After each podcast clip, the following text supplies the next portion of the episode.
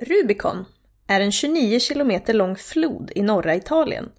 Floden flyter från Apenninerna, genom de södra delarna av Emilia-Romagna-regionen, genom städerna Rimini och Cesena till Adriatiska havet. Under romarriket var Rubicon en gränsflod mellan den romerska provinsen Gallien och Italien, som utgjorde rikets hjärta. Enligt romersk rätt förbjöds romerska generaler, utsända av republiken, att korsa den med sin armé och gå mot Rom. Den 10 januari 49 före vår tideräkning så stod Gaius Julius Caesar vid floden med sin legion. Gick han över floden så fanns det ingen återvändo. Han skulle vara Roms fiende. Enligt romerska historiker ska Caesar när han korsat floden uttryckt de nu kända orden Alea jacta est, som betyder tärningen är kastad.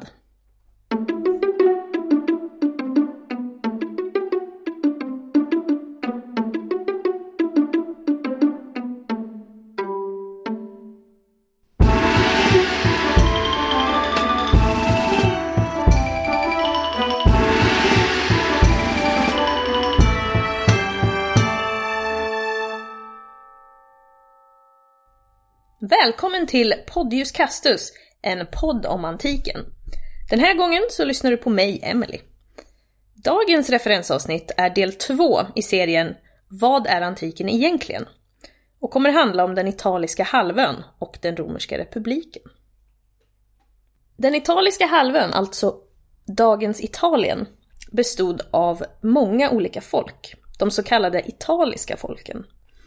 Och alla de här folken hade sina egna språk, varefter de är döpta. Några exempel på folken under den här tiden var samniterna, som eh, bodde på den sydcentrala delen av Italien. Faliskerna, som var huserade runt södra Toscana och norra Latium. Umbrerna, som eh, befann sig på den centrala italiska halvön. Sen hade vi oskerna, som eh, huserade i Kampanien, som är dagens Neapelområde. Man har faktiskt funnit eh, texter i Pompeji på oskiska. Och till syvende och sist så hade vi latinarna, alltså de som skulle komma att bli romare. Från cirka 1000 till 700 före vår tideräkning, ungefär samtidigt med den grekiska järnåldern. Och vill ni lära er mer om eh, grek, antikens Grekland så lyssna på det första referensavsnittet om vad antiken är egentligen. Villanova-kulturen, det var den äldsta fasen av eh, den etruskiska civilisationen. Och det var den tidigaste järnålderskulturen i centrala och norra italiska halvön. Runt 700 till 27 före vår tideräkning så har vi etruskerna. Och även här har vi liknande kronologi som i Grekland. Den etruskiska civilisationen den tar sin början runt det som man i Grekland kallar för den arkaiska perioden. Och den uppstår faktiskt i samband med kontakt med grekiska kolonier i de södra delarna av den italiska halvön. Etruskerna, de finns fram tills det romerska imperiet skapas. De eh, finns under det romerska kungadömet och den romerska republiken, men under republiken så förlorar de sitt självstyre. När vi pratar om Rom så kan vi prata om det romerska imperiet eller det romerska riket. Det romerska imperiet, det är alltså en politisk benämning. Och det romerska riket, det är en geografisk benämning. Från år 700 ungefär till år 510 före vår tideräkning, alltså samtida med den grekiska arkaiska perioden, så har vi det romerska kungadömet. I den romerska mytologin så är tvillingbröderna Romulus och Remus huvudpersonerna i den berättelsen som skulle leda fram till Roms grundande. Deras mor var en prinsessa som hade blivit förvisad av sin farbror att leva som vestal. En jungfru som skötte om Vestas, alltså härdens gudinnas tempel. Guden Mars gjorde henne dock gravid Och hon satte därför ut sönerna i en korg i floden. Inte helt olikt Moses i Bibeln. I en version av berättelsen så är det en varginna som hittar tvillingarna och diar dem innan en herde och hans fru finner dem. I en annan version så hittas de av herden och hans fru, som var prostituerad, och uppfostrades som deras söner. Dock så upptäcker Romulus och Remus sin härkomst och återinför sin morfar till tronen. När de skulle bestämma var de skulle grunda staden Rom så blev de osams och det slutar med att Romulus dödar Remus i vredesmod. Det finns en annan berättelse i Bibeln som påminner om det, den om Kain och Abel. Anledningen då till att det finns två versioner, en med en varg och en med en prostituerad kvinna, är för att ordet man använde på latin var lupa och det betyder både honvarg och prostituerad. Och romarna själva pratar om det här. När Romulus då ska ha grundat Rom så ska han också enligt legenden etablerat den romerska senaten. Senaten bestod av 300 senatorer från de finaste familjerna. Det var alltså familjer som var rika och där männen hade legitima fruar. Senaten de hade faktiskt ingen egentlig makt utan fungerade mer rådgivande eftersom det var kungen som fattade alla beslut. Roms tre sista kungar faktiskt är etrusker. Och den allra sista kungen i Rom, det är Lucius Tarquinius Superbus. Han byggde bland annat Circus Maximus och eh, Cloaca Maxima, som är ett av världens äldsta avloppssystem. Dock så var han mer ihågkommen för sitt våld och sin skrämseltaktik för att kontrollera Rom, och även hans respektlöshet mot romerska traditioner. Början på slutet, det är när hans son våldtar Lucretia, som är dotter till en inflytelserik romare inom den romerska aristokratin. Hon ska då ha begått självmord för att undvika vanheder. Det här är mer eller mindre en halvmytologisk berättelse. Men det här ska då ha lett till att man kastar ut Tarquinius och hans familj från Rom år 509 före vår tideräkning. Man hatar honom så mycket att ordet för kung, alltså rex, hade en negativ mening ända fram till det romerska rikets fall. Två av männen som kastade ut kungen, Brutus och Collatinus, blir Roms första konsuler och markerar början på den romerska republiken. By the way, så är den här Brutus förfader till den Brutus som är med och dödar Caesar. Och romarna, de kastar ut sin siste kung i stort sett samma år som atenarna kastar ut sin sista tyrann och grundar demokratin. År 509 före vår tideräkning då, födelsen av den romerska republiken.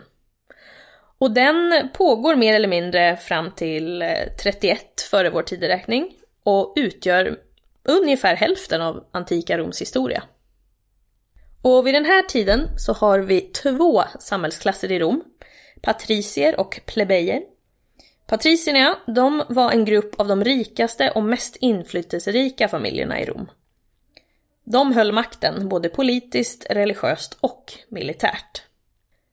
Dock så var ju de flesta i Rom helt vanliga människor i varierande samhällsklasser. Och plebejer är översatt ungefär pöben eller massan. De hade väldigt lite inflytande i samhället. De hade ingen riktig makt eller någon högre religiös, politisk eller militär position.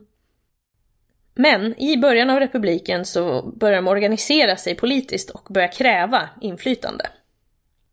Den här konflikten ledde till de så kallade ståndskamperna. En politisk kamp mellan patricier och plebejer, där de senare då ville få mer inflytande och makt helt enkelt. Och under en 200-årsperiod så hade man fem stycken av de här ståndskamperna. Det gav resultat och ledde till att plebejerna fick ha representanter i senaten, i militären och inom religionen. Majoriteten av det som kom att utgöra det romerska riket, alltså det geografiska, det erövras faktiskt under republiken. Man går då från att endast ha funnits på den italiska halvön till att erövra Iberiska halvön, alltså dagens Spanien och Portugal. Större delen av dagens Frankrike, Grekland, västra mindre Asien, alltså delar av Turkiet, dagens Syrien och Libanon, Cypern och större delar av Nordafrika, minus Egypten och Algeriet. Den romerska expansionen börjar egentligen med krig mot de andra latinarna i Latium, alltså de talar latin precis som romarna. Och det här kriget pågår ganska länge, mellan 509 till 387 ungefär före vår tideräkning. Sen ger man sig på grannarna, eh, fortfarande på den italiska halvön, eh, 387 till 272 ungefär före vår tideräkning. Så man rör sig neråt hela tiden. Och sen så ger man sig på de här grekiska kolonierna i södra, den södra italienska halvön. Och det la man på med ungefär 280 till 275 före vår tideräkning. Många av städerna som sagt i den södra delen av den italiska halvön var ju då grekiska kolonier och var självstyrande. Romarna de börjar kliva in i de här städerna och då självklart så ber ju några av dem om hjälp. Man ber en man vid namn Pyrrhos om hjälp. Han är alltså vid den här tiden kung i Epirus som ligger på gränsen mellan Grekland och Albanien och är Alexander den stores syssling. Till en början så är han ganska framgångsrik mot romarna, men det kostar honom väldigt mycket. Och han ska ha sagt att en sån seger till och vi är förlorade.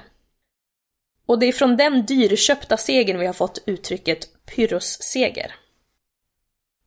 Efter den här segern då, så fortsätter han över till Sicilien där han försöker befria ön från kartagerna. Han utropas till kung, men han styr så pass tyranniskt att han, får att han får fly ön innan han blir utkastad. Då ber han sig tillbaka till den södra italiska halvön och får möta romarna på nytt. Men den här gången så förlorar han. Och han får lämna den italiska halvön. Allt utom en garnison. Och så kampanjar han i Grekland där han sen dör 272 före vår tideräkning. Och det tvingar faktiskt den sista grekiska kolonin att ge upp och ge, ge över till Rom. Då är året 272 före vår tideräkning och Rom kontrollerar hela den södra italiska halvön. Kartago, som, ligger, som låg i nuvarande Tunisien, de och romarna börjar kriga. Och det leder till det första puniska kriget. Och det namnet kommer från romarnas namn på kartagerna, som var puner. Och det första puniska kriget tog plats från 264 till 241 före vår tideräkning och utkämpas främst på Sicilien. Och i slutet av det första puniska kriget så kontrollerar Rom Sicilien. Sen passar de också på att sno Sardinien. Sicilien är då det första landområdet som romarna faktiskt tar utanför den italiska halvön. Och det här är alltså startskottet för det romerska riket. Och den första provinsen. Men det tar inte slut där. Utan år 218 till 201 före vår tideräkning så har vi det andra puniska kriget. Och det är alltså kriget mot Hannibal. Under den här tiden så utser Rom, den romerska republiken Fabius Maximus till diktator för att kämpa mot Hannibal. Och Hannibal känner ju många till som han som promenerar över Alperna med elefanter. Efter det andra puniska kriget så är resultatet två provinser i Spanien och eh, så börjar man intressera sig för dagens södra Frankrike. Och nu börjar Rom på riktigt bli en medelhavsmakt snarare än bara en italisk makt. Nu när man har fått mer smak och efter två segrar mot punerna, eller kartagerna, så börjar man ge sig på grekerna. Och det här sker från 200 till 146 före vår tideräkning ungefär. Och eh, man börjar på det grekiska fastlandet. Och där ger man sig på kung Filip av Makedonien. Han hade nämligen stöttat Kartago under, de puniska, under det puniska kriget och får betala dyrt för det. Och han utkämpar hela fyra krig mot romarna. Sen så krigar Rom mot eh, de hellenistiska kungadömena. Ni vet, de som Alexander den store lämnar efter sig. Det tredje puniska kriget och belägringen av Kartago sker mellan 149 och 146 före vår tideräkning. Och det slutar med Kartagos förstörelse. Och också med att Rom tar över alla Kartagos afrikanska områden. Men allt är inte frid och fröjd. Utan i Rom så har man politiska oroligheter och inbördeskrig mer eller mindre hela tiden från 146 till 31 före vår tideräkning.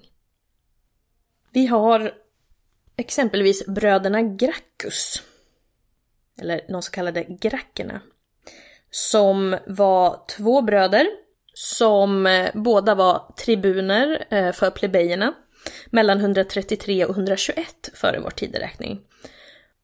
De ville omplacera vissa landområden som hade kontrollerats av patricierna eller aristokraterna till eh, de fattiga och veteranerna. För att driva igenom en del sociala och eh, politiska reformer. Och båda, till en början, var, vid olika tider då, var ganska framgångsrika. Men båda blev eh, avrättade av eh, en konservativ del av senaten för att motsätta sig de här reformerna. Och efter eh, grackernas olyckliga öde så dyker det upp två spelare på planen som heter Gaius Marius och Sulla. Ungefär 121 till 80 före vår tideräkning. Sulla, han var en framgångsrik general som stöttade eh, Optimares, alltså de konservativa, mot Populares, plebejerna. Och de eh, hade Gaius Marius som förkämpe. Eh, Marius han hade fått igenom en reform som innebar att eh, legionerna var mer lojala mot sin general än mot Rom som stat. Och efter en del stridigheter mellan de här två fraktionerna då, så vann Sulla. Bland annat tack vare Marius reform, så det funkade ju inte riktigt där för honom. Och han återför faktiskt diktatorrollen, som då inte hade varit i bruk sedan andra puniska kriget. Han gör sig alltså själv till diktator och eh, använder sig av sin makt för att rensa upp bland Roms fiender. Alltså sina egna fiender. Och för att få igenom en rad olika reformer. Till slut dock så ger han faktiskt upp diktatorrollen och banar egentligen väg för Caesar och Augustus. År 60 till 53 före vår tideräkning har vi någonting som kallas för det första triumviratet. Och triumvirat betyder i princip tremannakollegium. Och det var en opolitisk och juridiskt informell överenskommelse mellan tre väldigt mäktiga män i Rom. Gaius Julius Caesar, kanske den romare som nästan alla vet vem det är. Gnaeus Pompeius Magnus, som var Roms främste militära ledare. Och sen Marcus Licinius Crassus, som mest fick vara med för att han var jäkligt rik. Den här alliansen då, den cementerades ytterligare eh, med äktenskapet mellan Pompejus och Caesars dotter Julia år 59 före vår tideräkning. Och tack vare den här alliansen så lyckas Caesar få kommando över Gallien och Illyrien i fem år. Och han eh, börjar erövra Gallien. År 56 så förnyar man triumviratet och där gick man också med på att dela de romerska provinserna mellan sig. Caesar fick behålla Gallien i ytterligare fem år.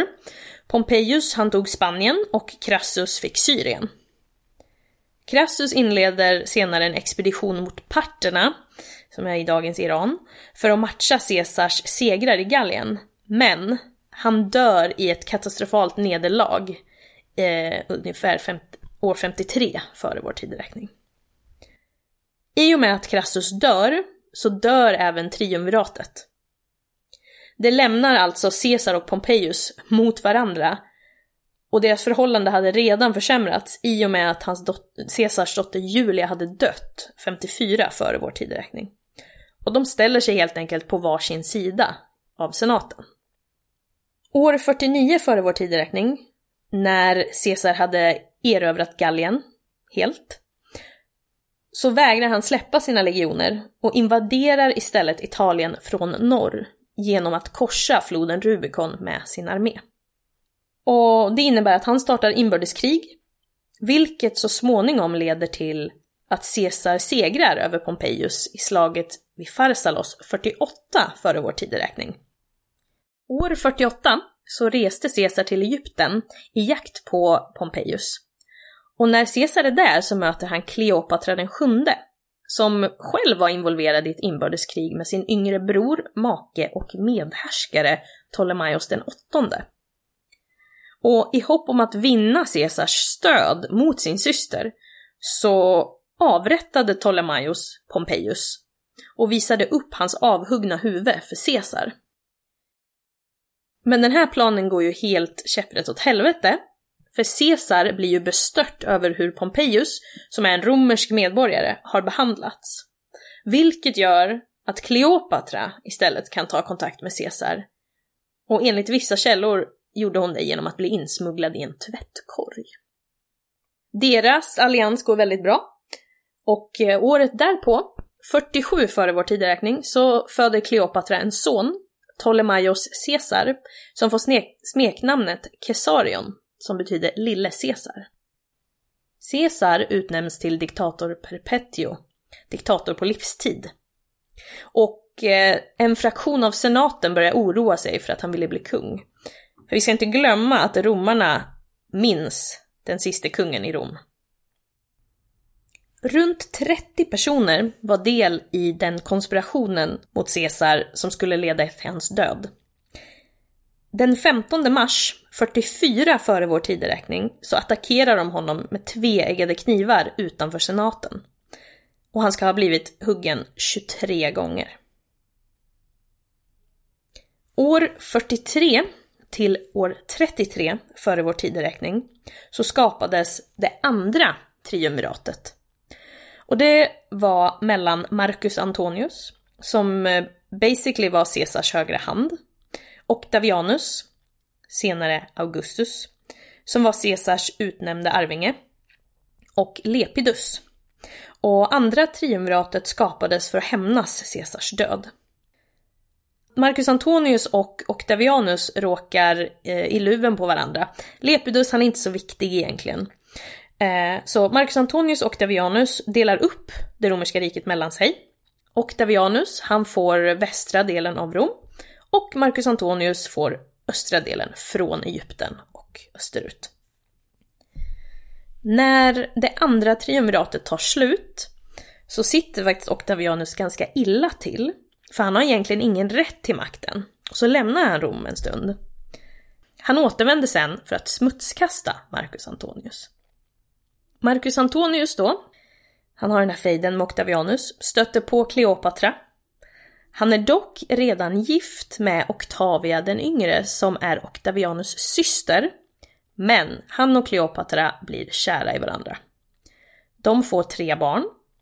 Tvillingarna Kleopatra Selene, alltså efter månen, och Alexander Helios, solen. Och så får de också Ptolemaios Philadelphios. År 34 före vår tideräkning så ska Kleopatra och Marcus Antonius ha delat ut romerska och partiska områden som de faktiskt inte äger till Kleopatras barn. Och vem säger det? Jo, det är Octavianus. Kan vi lita på det här? Mm, tveksamt.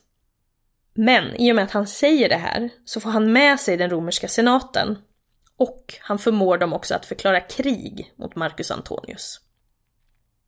Kleopatra, hon förklarar Kesarion, alltså Caesars son, som legitim arvinge till Rom. Och i och med det så startas det sista romerska inbördeskriget. Octavianus, han måste ju uppenbarligen göra sig av med Kesarion om han överhuvudtaget ska ha någon möjlighet att hävda att han är Caesars enda rätta arvinge. Allt kulminerar vid slaget vid Actium 31 före vår tideräkning. Den 2 september så inleds ett sjöslag vid Actium i det Joniska havet. Forskarna är inte helt överens om hur slaget faktiskt gick till, men Kleopatra och Marcus Antonius förlorar det här slaget och måste fly. Året därpå så begår Marcus Antonius självmord. Kleopatra hon blir tillfångatagen, men hon lyckas begå självmord. Enligt legenden då genom att låta sig bitas av en orm. Man spekulerar i om hon valde att begå självmord för att slippa förnedras i ett romerskt triumftåg.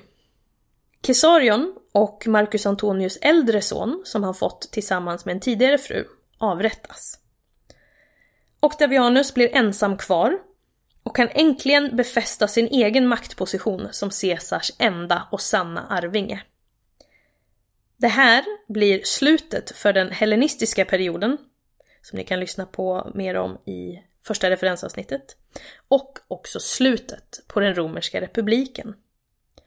Octavianus blir Augustus, Roms första kejsare. Och det var den komprimerade och väldigt korta versionen av eh, ungefär tusen år av, av den italienska halvöns historia och den romerska republikens uppgång och fall. Har ni kommentarer, frågor? Hör av er till oss på podiuskastus.gmail.com eller skriv till oss på Facebook och Instagram. Och tills dess så säger jag tack för idag och på återhörande.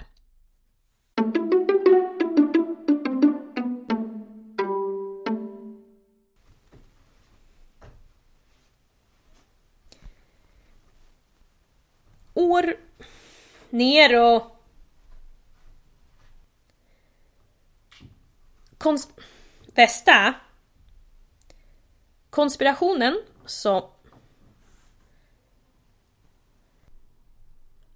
konspirationen som ledde till Caesars död